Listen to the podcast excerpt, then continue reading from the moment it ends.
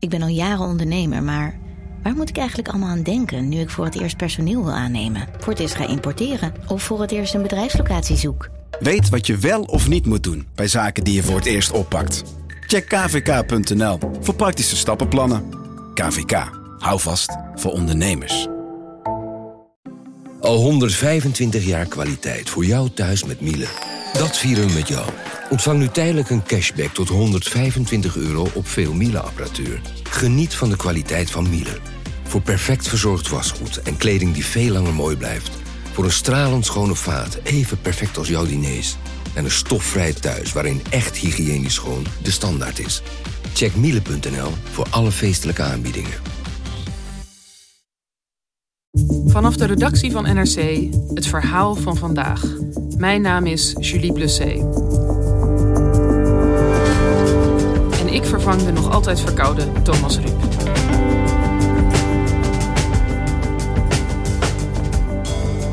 Roger Stone is een van Trumps belangrijkste informele adviseurs en de meest controversiële politieke stratege van Amerika. Zijn meedogenloze tactieken doen denken aan zowel Machiavelli als de maffia. Decennia lang leek hij onaantastbaar, maar in januari werd hij opgepakt. En vandaag verschijnt de zelfbenoemd Dirty Trickster voor de rechter.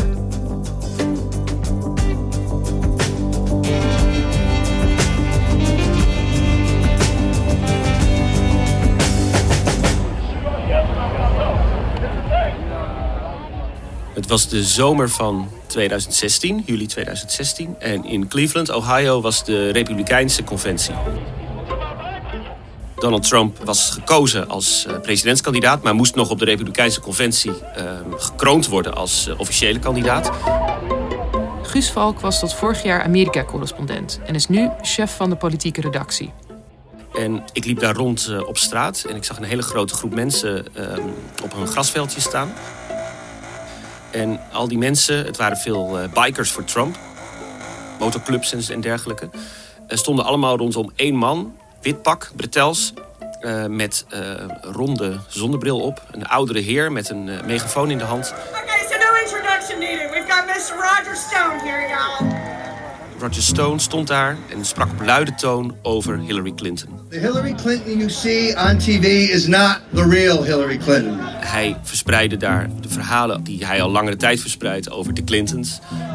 Hillary Clinton is a short-tempered, foul-mouthed, greedy, bipolar, uh, uh, mentally unbalanced criminal. Namelijk dat het moordenaars zijn, dat ze een killlist hebben, dat ze een lijst hebben van mensen die, die ze om het leven brengen. En hij zei iets in de trant van, uh, we gaan toch niet deze moordenaar op de troon uh, zetten. I thank you for your support. We are on the verge of making America great again. Thank you.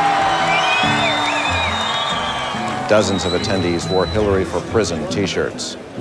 This, like it or not, is the new face of Trump's GOP. Roger Stone had a message for those who don't like it. They can leave the party and be replaced. Good riddance, he said. Dat was mijn eerste kennismaking met Roger Stone.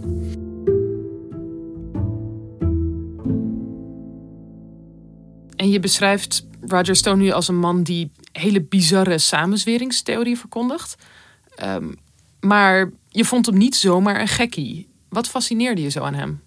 Ten eerste zijn verschijning. Hij heeft een bijna uh, James Bond-achtige uitstraling. Hij heeft bijna altijd een, uh, een vodka martini in de hand. Draagt altijd grote pakken.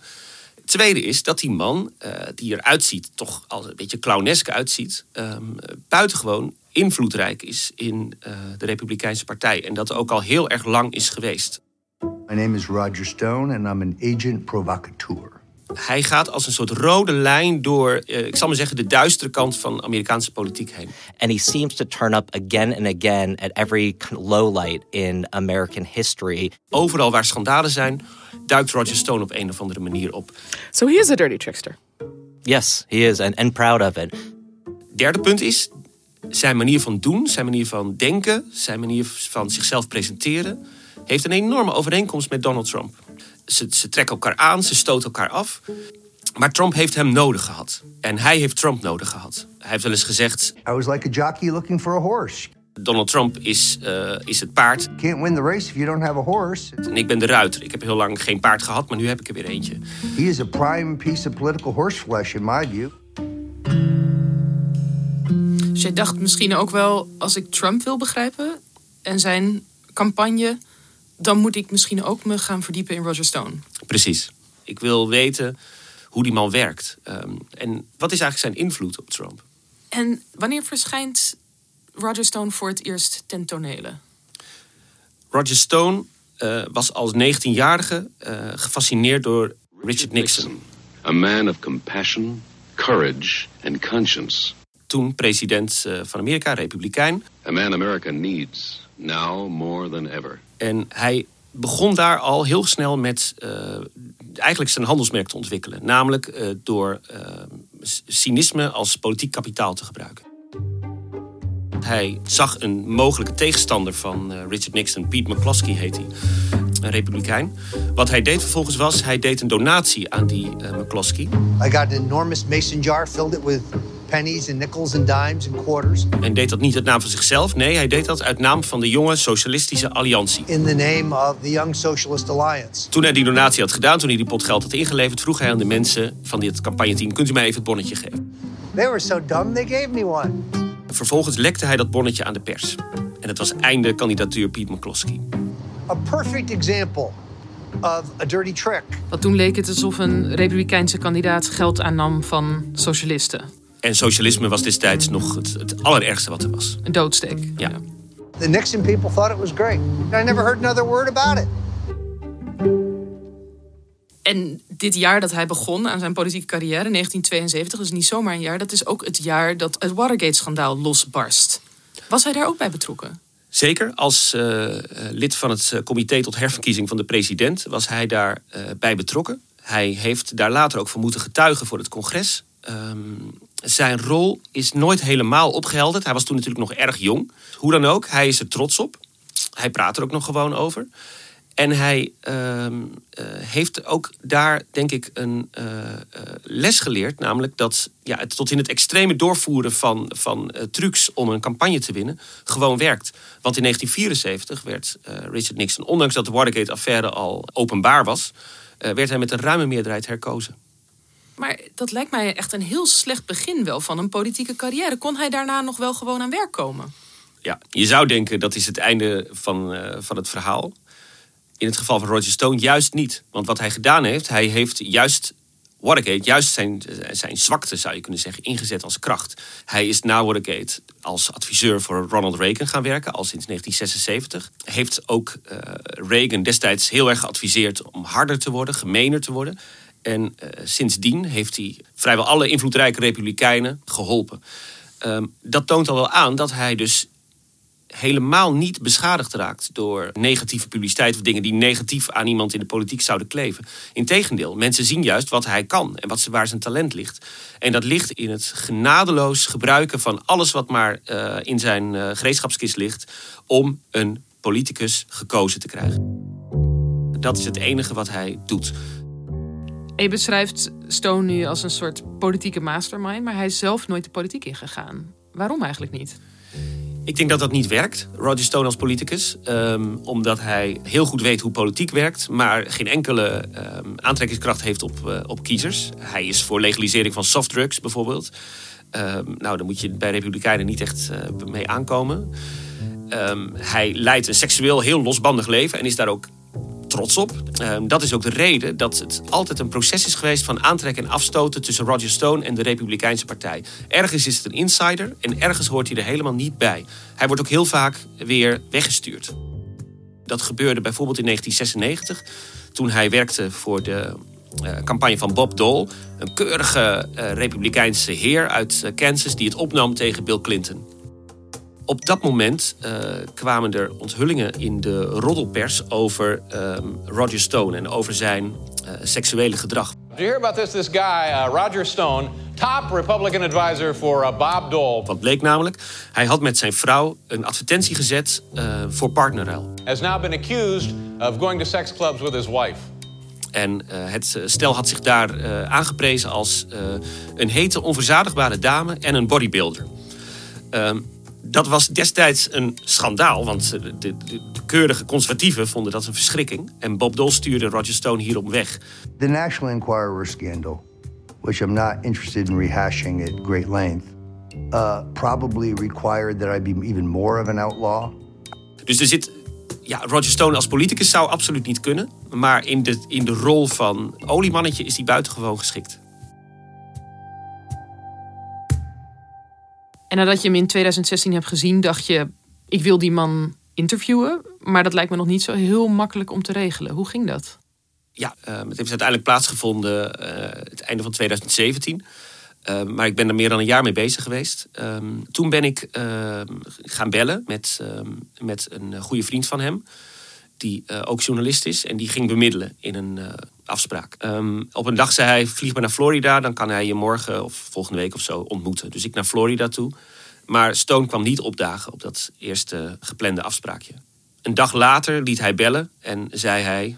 Ja, sorry, ik kon niet komen, want er is gisteren een aanslag op mijn leven gepleegd. Roger Stone claims now that he's been the victim of a quote suspicious hit and run car accident. Stone reed terug naar huis in Florida en uh, werd van de zijkant geramd door een andere auto met gedoofde lichten. The political consultant tweeted quote The car I was in was just T-boned by a large gray four-door with a dark tinted windshield. En hij wist zeker dat dat um, de deep state was, zoals, dat, zoals hij dat noemt. Ik zal maar zeggen het conglomeraat van politieke partijen, inlichtingendiensten en uh, Washington-elite. Um, die een einde aan zijn leven wilde maken, omdat hij zoveel wist van uh, het Rusland-onderzoek van uh, Robert Mueller. Denk je dat het echt ook zo gegaan is? Uh, hij heeft zeker een auto-ongeluk gehad. Want hij heeft, hij heeft, een dag later ook beelden op Facebook gezet van, de, van zijn auto die totaal los is. Dus hij heeft zeker een auto-ongeluk gehad. Um, of dat ook een aanslag op zijn leven was, uh, betwijfel ik zeer. Maar, maar in ieder geval, in de wereld van Roger Stone uh, telt dat niet. Het gaat alleen maar om het grote gebaar. Dus, um, dus die eerste afspraak ging niet door. En uh, maanden later uh, lukte het me eindelijk om een tweede afspraak te maken.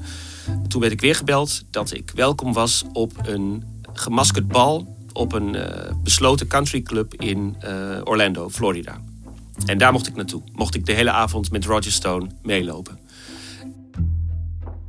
We kwamen aan op een heel chique club buiten de stad. Daar stonden allemaal bewakers voor de deur. Je kon er alleen op uitnodiging binnenkomen werd heel geheimzinnig over gedaan. Eh, de meeste mensen waren verkleed. Ze waren verkleed als uh, vrijheidsbeeld, herinner ik me nog. Als, als indianen, als, uh, uh, als Russische troll was iemand verkleed. Ik was niet verkleed en Roger Stone was ook niet verkleed. Um, maar hij zei, ook alweer geestig... ik ben vandaag verkleed als Roger Stone. Dat is toch wel de engste man uit Amerika. en er hing een soort uitgelaten, maar ook grimmige sfeer. Ik vond het, um, uh, ik vond het een hele interessante combinatie. Roger Stone was de, was de, de spreekstalmeester van de avond. Um, en waren ook nog andere sprekers, onder meer een, uh, een, drag queen uit Miami. Die zei dat zij de enige conservatieve drag queen ter wereld was. En er was een andere spreker, Milo Yiannopoulos, een beroepsprovocateur, een Britse ex-Breitbart-essayist die uh, ook een verhaal hield over de politiek correcte elite die het land in de greep hield. En Roger Stone mag er ook spreken. Thank you for being here. Hij richtte zich tot de zaal en zei: Thank you for being in this revolution. U bent een verstotene, net als ik. Ik ben heel vaak heb ik me aangeboden bij de Republikeinen, maar ze willen me niet. Uh, en zelfs zei hij, zelfs Donald Trump, daar moeten we zelfs voor uitkijken. Want die wordt steeds meer ingekapseld. Die is net president, uh, nog maar een jaar. Maar je merkt dat hij gewoon wordt ingekapseld door de elites. Dat leidde tot, tot een heleboel herkenning in de zaal. Deze mensen voelden zich volkomen begrepen door Roger Stone. En um, gaven hem ook applaus op bijna iedere, ieder woord dat hij zei.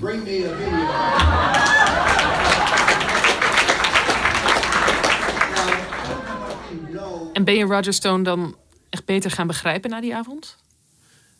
Ja, ik ben hem beter gaan begrijpen. Um, wat me echt is bijgebleven, en dat is een les die ik, uh, die ik uh, met me meedraag, is dat um, wij denken gauw dat, dat politiek draait om ideeën. En wie heeft het beste idee? En wie inspireert het meest? En wie, wie kan het beste um, uh, vertolken wat leeft in een samenleving?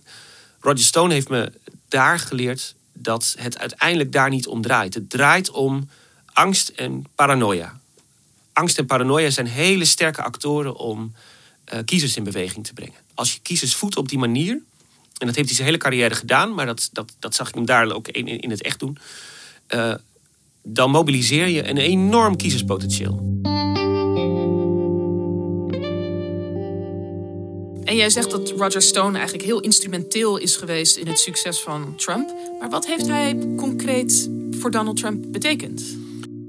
Ja, even terug naar een belangrijk moment in de verkiezingscampagne van 2016.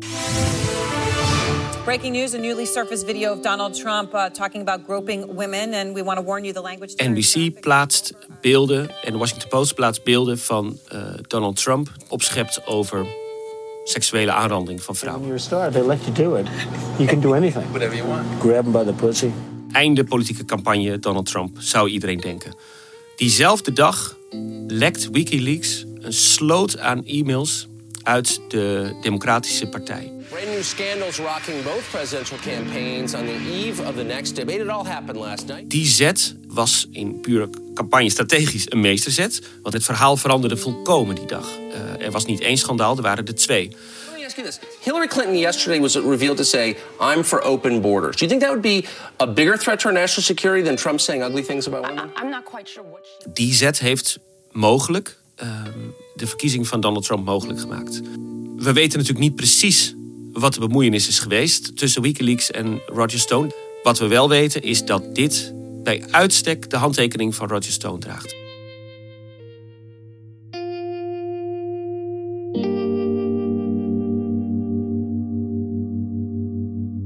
En vandaag moet Roger Stone dan in de rechtszaal verschijnen. Als ik zo naar je luister, dan krijg ik het vermoeden dat dat met Wikileaks te maken heeft. Ja, Roger Stone is eigenlijk het laatste uh, onaffe draadje in het Rusland-onderzoek van Robert Mueller, zou je kunnen zeggen. Uh, de rechtszaak die nu tegen hem begint, gaat over de vraag of hij heeft gelogen tegen het congres ehm, over Wikileaks en Assange. Hij heeft daar ontkend iets geweten te hebben. Ehm, volgens eh, de aanklagers is dat uh, onjuist. en wist hij dat wel degelijk en heeft hij gelogen tegen het congres hierover. Dat is een zwaar misdrijf in Amerika. Uh, en daar staat hij onder meer, hij wordt voor zeven dingen aangeklaagd, maar dit is het belangrijkste. Daar staat hij onder meer voor terecht. En wat verwacht je van hem te horen? Ik bedoel, ik neem aan dat hij heel wat explosieve dingen over Trump zou kunnen vertellen als hij zou willen. Gaat hij vrijheid spreken? Je weet het bij Roger Stone nooit wat hij doet. Ik verwacht dat hij, wat hij tot nu toe altijd heeft gedaan, uh, alles ontkent. Um, en het daarbij ook uh, zal laten. En dat hij het aan het OM laat om uh, te bewijzen dat hij, uh, dat hij wel degelijk gelogen heeft tegen het congres. Daar zal het vermoedelijk om draaien. er hangt hem wel echt een zelfstraf boven het hoofd. Dus het is in die zin wel een belangrijk moment voor Roger Stone. Wat voor mij interessant is aan deze rechtszaak is dat ik ehm, merkte in 2016, 2017 dat de Stone-tactiek van liegen en bedriegen uh, zonder daar uh, ooit voor gestraft te worden, dat die werkte. Het is een politiek een buitengewoon machtig wapen. Toch kan je nu zeggen, uh, als hij een celstraf krijgt, als hij echt gestraft wordt, dat het misschien toch uiteindelijk doodloopt het spoor van de Roger Stone. En daarmee ook dat er een einde komt aan een politiek tijdperk. Want de manier waarop Roger Stone politiek bedreef, ehm, was zo succesvol omdat hij aan het eind altijd won. Ehm, je zou kunnen zeggen, uh, het establishment lacht het laatst. Ja, je zegt nu, het is het einde van een tijdperk als hij in de cel belandt. Maar is er niet inmiddels al een hele nieuwe generatie uh, Roger Stones aangetreden? Ik denk dat niemand zo radicaal en over de top is als Roger Stone. Maar hij heeft wel inderdaad veel geestverwanten. Um, Donald Trump is daar het bekendste voorbeeld van. Maar ook Steve Bannon, um, die wel echt anders is dan Roger Stone. Die, die gelooft namelijk wel in dingen. Uh, maar Steve Bannon heeft ook heel veel Roger Stone in zich. Uh, je, je, zou kunnen zeggen, er is een bepaalde uh, gekte in politiek gekomen. Die, ehm, en ook een bepaalde manier van doen. namelijk alles ontkennen en de tegenaanval lanceren. Die je overal op ziet komen. Dus in die zin heeft hij heel veel politieke erfgenamen. Maar voor Roger Stone zelf loopt het spoor dood.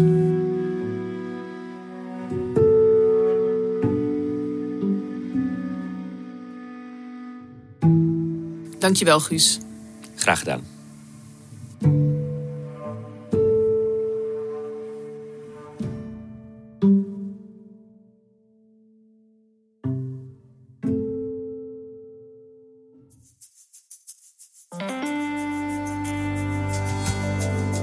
Je luisterde naar vandaag, een podcast van NRC.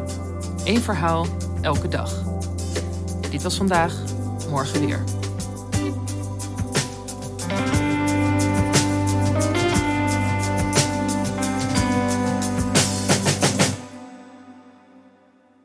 Technologie lijkt tegenwoordig het antwoord op iedere uitdaging. Bij PwC zien we dit anders. Als we de potentie van technologie willen benutten, kunnen we niet zonder een menselijk perspectief. Human-led, tech-powered noemen we dat. Ga naar pwc.nl.